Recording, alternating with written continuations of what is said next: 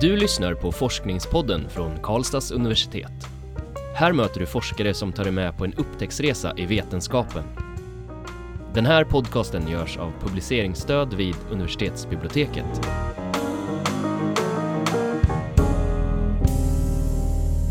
Välkommen till Forskningspoddens specialserie om genus och jämställdhet i akademin, från ord till handling.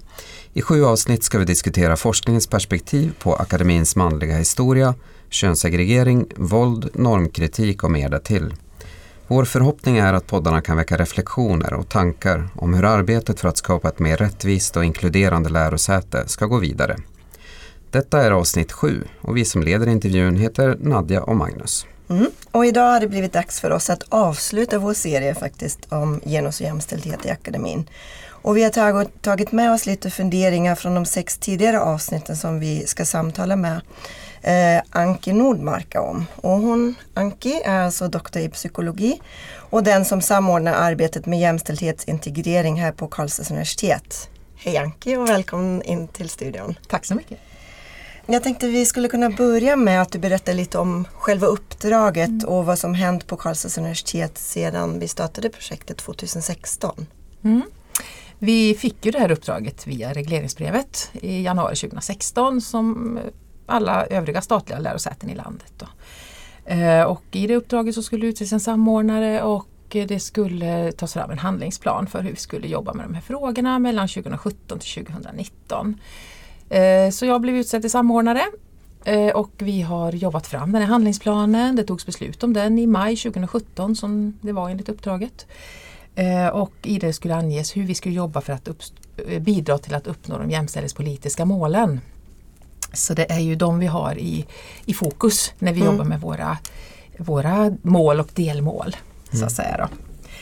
Eh, och det tydliggörs också att det här ska införlivas i beslutsfattandet på alla nivåer och i alla steg i processen av de aktörer som normalt sett deltar i beslutsfattandet. Och det, det är en väldigt viktig poäng i det. Det här ska in i ordinarie verksamhet, det är inte något som ska ske på sidan om som en extra pålaga utan vi ska liksom jobba med den här frågan som vilka andra frågor som helst. Så. Kan vi bara snabbt rekapitulera vilka de här målen är? Mm, det kan vi göra. Det finns ett övergripande mål som säger att målet för jämställdhetspolitiken är att kvinnor och män ska ha samma makt att forma samhället och sina egna liv. Och det är det övergripande målet. Och sen finns det sex delmål. Och det är de i mångt och mycket vi tänker på när vi jobbar med planen. Då. Det är en jämn fördelning av makt och inflytande. Det ska vara ekonomisk jämställdhet. Det ska vara en jämställd utbildning jämn fördelning av det obetalda hem och hushållsarbetet, jämställd hälsa och mäns våld mot kvinnor ska upphöra. Så det är de som vi har. Och där förstår man lite grann alltså att det är en väldig bredd i, i det här uppdraget. Eh, och, eh, och, och för universitetet är det alla processer som ska jämställdhetsintegreras. Eh, vad, är, vad ser du som de största utmaningarna med att projektet har så stor spännvidd? Ja, det, alltså att, att jämställdhetsintegrera i sig det, det, det, handlar ju om att vi ska in i alla processer, i alla, allt beslutsfattande, i allt det vi gör och det är naturligtvis en jätteutmaning. Samtidigt så kan jag tycka att vi har kommit så långt idag så att det skulle vara konstigt att säga att ja, men vissa processer ska vi inte ha jämställdhetsintegrera. Eh, våran handlingsplan är rätt omfattande om man jämför med flera andra lärosätens handlingsplan men vi menar ju också att vi ska jämställdhetsintegrera vår verksamhet och då ska inte någon del av verksamheten uteslutas från det. Eh, så att utmaningen är ju att få till det ja. Eh, och att få alla med på banan. Och det har ju de här två första åren använts till kan man säga. Ja. Och hur långt har vi mm. kommit skulle du säga? Ja, vi kom en bra bit på väg. Jag menar nu är vi inne i 2019 och planen sträcker sig till december 2019. Eh, vi har rangordnat våra insatser, det vill säga att vi har satt några som rangordning 1, de ska göras först och då tänker vi oss att de ska vara igång och nästan genomförda under 2018. Vi har två som ska vara igång och i stort sett genomförda 2019 och vi har rangordning 3, det vill säga att de ska vara igång 2019. Så att, och vi ligger bra med. Vi har gjort stora insatser tycker jag. Kan du ge några exempel på vad det är för typ av insatser? Mm. Vi har ju utbildat framförallt, man säger det, det är ju en kunskapsfråga det här i mångt och mycket och vi har utbildat eh, inom organisationen. Den här poddserien blir en del av den utbildningen också framgent. Då. Men vi har jobbat mycket med gentemot cheferna och ledare för det är ju de som fattar besluten, det är de som påverkar och som kan också driva sina institutioner, avdelningar och enheter framåt genom sitt sätt att agera och sitt sätt att fatta beslut och pusha för de här frågorna. Så. så det är via cheferna som det ska vidare till eh, alla medarbetare så att säga? Eller? Ja, cheferna är centrala i det. Eh, de har ju, det är de som har, sitter på mandaten att förändra. Så. Men sen måste ju alla vara med. Eh, och vi har i, i dagsläget nu då så har alla institutioner, avdelningar och enheter haft någon form av informationsinsatser, igångkicksinsatser och, och utbildning i genus, jämställdhet, eh, normer, normkritik eh, och så. Så att alla har på något sätt igångkickade. Eh, och sen är ju, har ju institutioner och avdelningar kommit olika långt i det här men alla ska vara igång. Det tycker jag är, det är bra. Ja. Då har vi kommit långt, vi är många. Ja, du nämner ju här just den här poddserien som en del av det här kunskapshöjandet mm. och så. Eh, om vi, om vi liksom vänder blicken lite mot de tidigare avsnitten mm. i serien och så. Vad, vad, tycker du själv att du har fått med dig från de sex avsnitt som vi har genomfört hittills? Ja, att det är en väldig bredd. Mm. Eh, dels i vårt uppdrag som vi säger i vår handlingsplan eh, men också i poddserien eh, och att vi har en väldig kompetens inom lärosätet. Eh, som jag är väldigt glad att vi kan använda på det här sättet. För det här behöver ju alla kunna lyssna på sen och använda för sin egen kompetenshöjning men också att använda i arbetsgrupper och lyssna på ett poddavsnitt och se vad, vad betyder det här för oss? Hur skulle vi kunna fundera på våran verksamhet utifrån vad vi har tagit till oss. Så, så att eh, ja, Mm, och då kan vi bara, om vi börjar med första avsnittet. Då hade vi Ulf Mellström med oss som berättade om hur otroligt snabbt universiteten förändrats. Från att det var helt förbjudet för kvinnor att vara med för ungefär 100 år sedan till att idag se en allt större mångfald som eh, och det sker samtidigt, alltså vi har den här förändringstakten och det är väldigt olika inom olika miljöer och ämnen. Och, och, det är egentligen den frågan jag vill ställa. Hur tänker du kring detta? Hur ska vi hantera det här? Å ena sidan som är lite trög och orörlig och å andra sidan det som är väldigt föränderlig hela tiden. Och jag tänker att eh, jag menar alltså, universiteten är ju tröga på sitt sätt. Gedigna institutioner som har funnits i många århundraden och så. Eh, och eh, jag kan se det som en styrka. Alltså att trögheten också är en stabilitet. Eh, som, som banar väg för föränderlighet, tänker jag. Eh, så jag ser inte det som ett problem utan kanske snarare som en styrka i, i det här förändringsarbetet. Sen är ju hela vår verksamhet handlar ju om att skapa kunskap, eh, Eh, utforska kunskap, sprida kunskap, förändra arbetssätt, förändra hur vi ser på världen och så vidare. Så att hela verksamheten är ju en förändrande process. Och då tänker jag att det här med jämställdhet det, det borde vara ganska självklart för oss att kunna jobba med de här frågorna. För jag menar så mycket kunskap som finns inom universitetsvärlden, om inte vi kan kan förändra det här sättet att hantera kön så att vi, det blir på ett likvärdigt sätt. Vem ska då göra det, tänker jag. Samtidigt är det väl så att inom ett universitet också att den här takten kan vara ganska olika inom skilda miljöer och så. Mm. Eh, vissa miljöer kanske det finns stor acceptans och man kan röra sig fort och andra kanske inte går lika fort. Eh, finns det någon speciell utmaning i det där? Ja, det tänker jag. Och jag menar, vi har jobbat med jämställdhetsfrågor sedan 70-talet och jämställdhetsintegrering har funnits sedan 90-talet. Och vissa av våra ämnesområden, där är det så självklart för man har jobbat med eh, arbetsorganisationer och då blir kön en självklar variabel. Man jobbar med sociala konstruktioner, då blir kön en variabel. Eh, människors beteenden och så vidare. Mm. Så att de är ju redan en, långt fram vissa enheter. Inom andra områden så har liksom kön inte varit jag tror inte det har varit, man har inte tänkt på det helt enkelt, mm. som att det skulle ha påverkat någonting. Och en del inom teknikområdet till exempel kan man tänka sig där då. Det ser olika ut där också men, men ja, kön har kanske inte varit intressant att tänka på ens en gång och då blir det större, det blir lite längre startsträcka där en sak som jag fick med mig var det som Ann Bergman pratade om i avsnitt två. Hon sa att vi kanske inte har koll på de uppgiftsbuntar var ett begrepp som hon använde som KAO-anställda har blivit tilldelade och som de har tagit på sig. Hon pratade om att det kan finnas arbetsuppgifter som kanske inte får så mycket erkännande eh, och som inte ger vare sig prestige eller pengar. Eh, hur tänker du kring det här? Vad, vad kan vi göra för att ta oss an de här uppgiftsbuntarna? Ja, alltså vi har ju, vi har ju våra, eh, vår affärsidé, vår kärnverksamhet och, och allting som behövs för att liksom formellt få det här att fungera. Som har ju olika status, så är det ju. Men sen har vi dessutom en massa arbetsuppgifter som måste göras för att andra ska liksom kunna genomföras också. Jag vet att Ann nämner någonting med akademiskt hushållsarbete. Eh, Eh, och, sådär. och det måste ju också göras, det beror på vad vi pratar om då. Pratar vi om det akademiska hushållsarbetet som inte överhuvudtaget eh, värderas i pengar eller status. Eller pratar vi om de andra olika nivåerna av arbetsuppgifter som, som har pengar och status i sig. Allt måste göras. Ingen, ingenting i vår verksamhet skulle jag hävda är onödigt. Eh, och kan vara lite synd att det värderas olika. Ty, ser du något problem i, i att menar, universiteten har ju mm. sina stjärnor, kanske mm. ofta forskare mm. eller, eller lärare som lyfts fram i olika sammanhang och så. Mm. Medan andra inte syns. Är det ett problem eller är det så det måste vara på ett, ett universitet? Där man ska odla skarpt tänkande som ju ofta mm. kopplas till individer och så. Hur, huruvida det måste vara så eller inte kan jag svara på men, men jag tycker det är viktigt att prata om de här frågorna för att faktiskt se att, att det värderas olika. Jag mm. menar forskningen är ju det som värderas högst.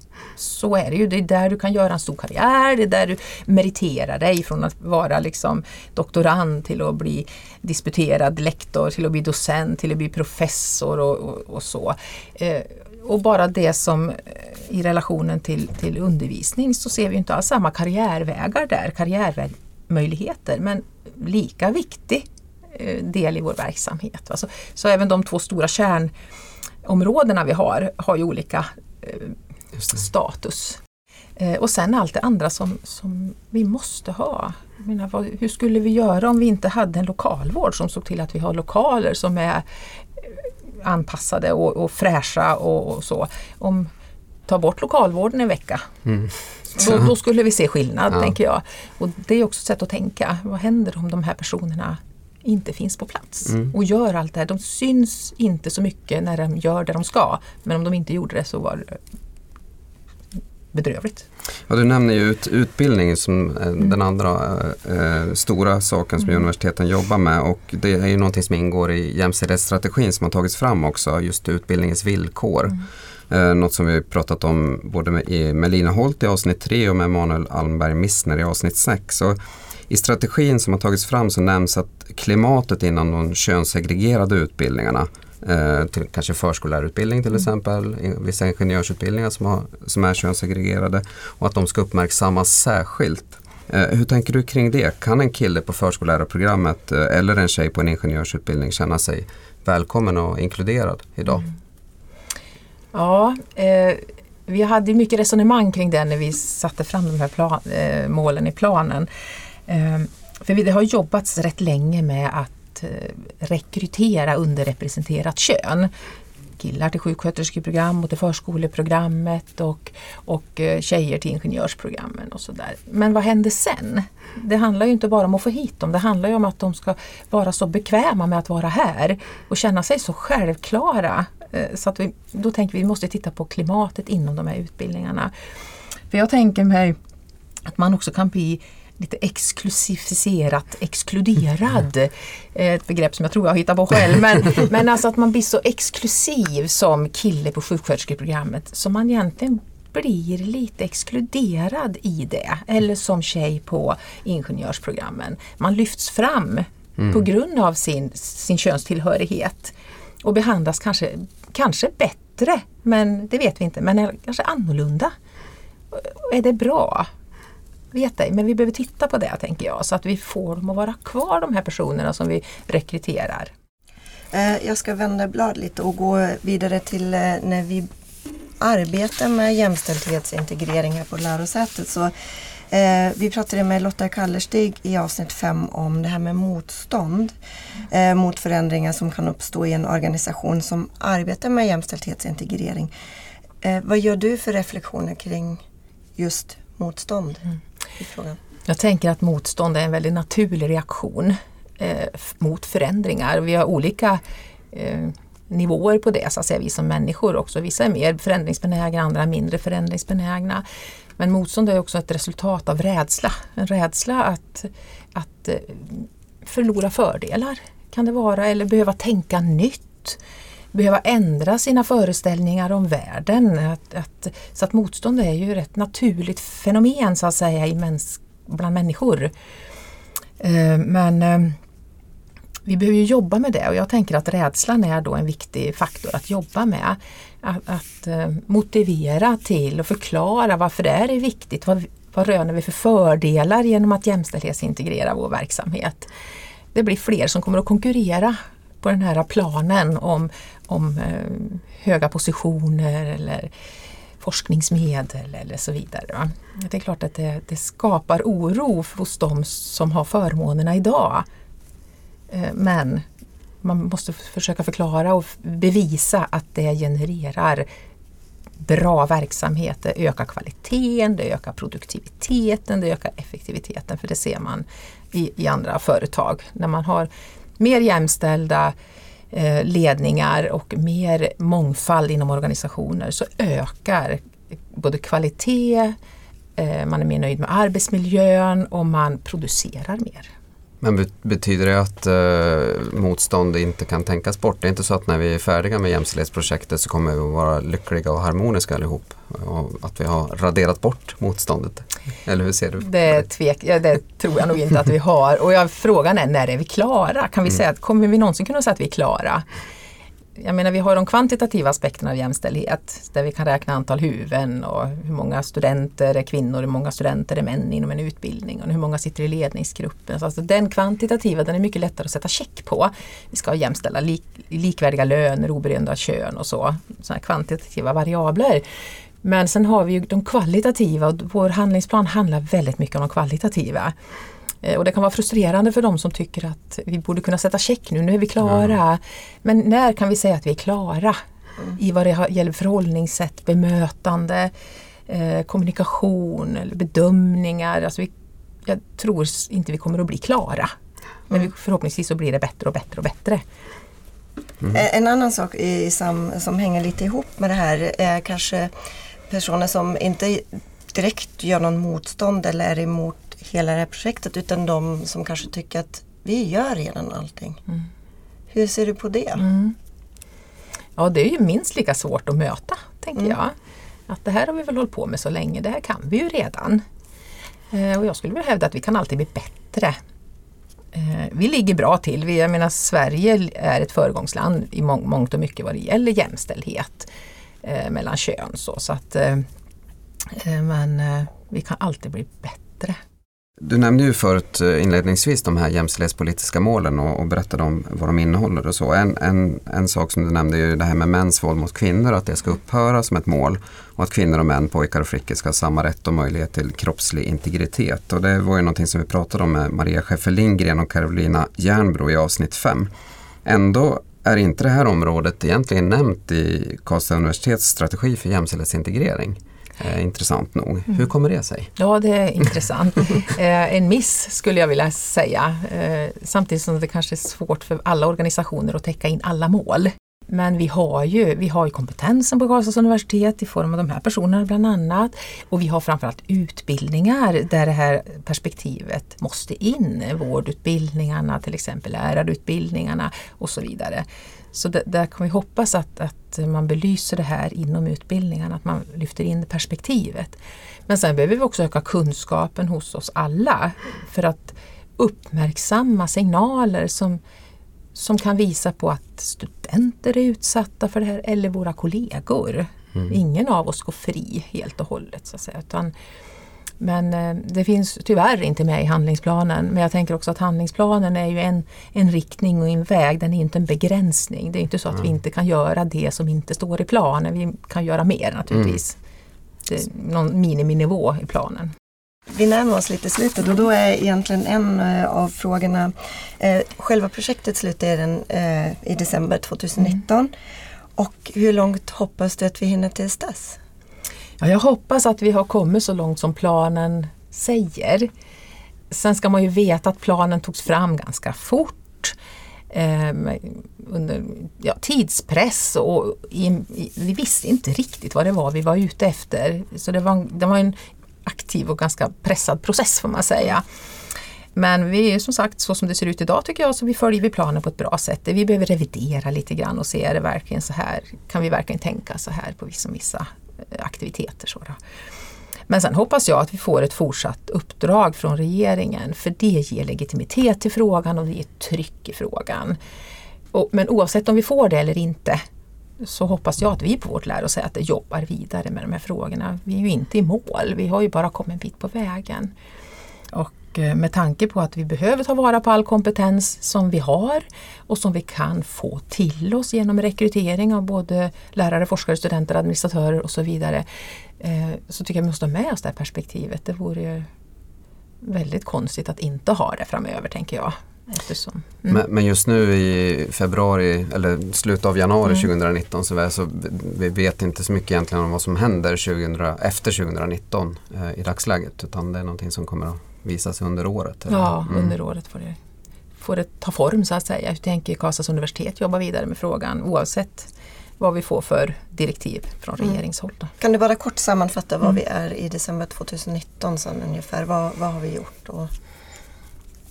Ja, då hoppas jag att vi har fått en sån, sån påtaglig kompetenshöjning inom området så att vi inte kan blunda för frågorna i något sammanhang. Jag hoppas att när vi sitter i möten att vi tänker, ja, vad betyder det här för jämställdheten? Mm. Att, att vi när vi fattar beslut också lyfter in frågan, vad betyder det här för jämställdheten? Har vi tänkt på den nu? Eh, har vi verkligen beaktat eh, alla delar i det så att vi fattar rätt beslut och inte går så mycket på magkänsla. Så det är ryggmärgen som gäller? Ja, ryggmärg och hjärna skulle jag vilja säga är det som gäller. Det låter ju som ett medskick eh, bara det, mm. men eh, det var vår sista fråga mm. annars. Eh, är det någonting som du vill skicka med till våra lyssnare? Något råd på vägen till den som arbetar på Karlstads universitet eller något annat lärosäte som känner att den vill dra sitt strå till stacken för att skapa ett mer inkluderande lärosäte? Mm. Jag tänker fortsätta på den inslagna vägen. Eh, det handlar om att oförtrutet jobba vidare med, mot ett mer jämställt och jämlikt samhälle eh, där alla kompetenser och förmågor tas tillvara.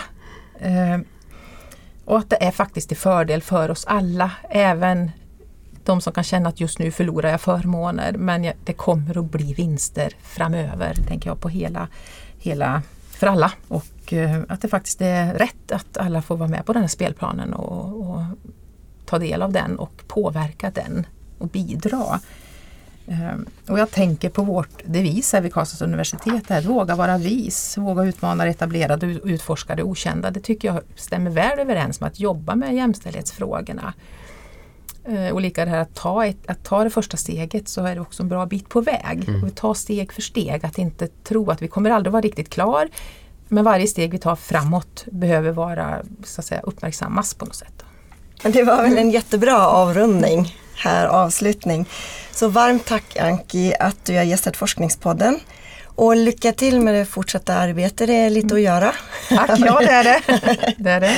Och stort tack till alla er som har lyssnat. Och om den här poddserien har väckt frågor, tankar och idéer som du vill diskutera eh, så prata gärna med dina kollegor och chefer eller hör av dig till Anki eh, på anki.nordmarka.ku.se. Ta hand om er och varandra. Du har lyssnat på Forskningspodden från Karlstads universitet. Den här podcasten görs av publiceringsstöd vid universitetsbiblioteket. Alla avsnitt hittar du på kau.se forskningspodden.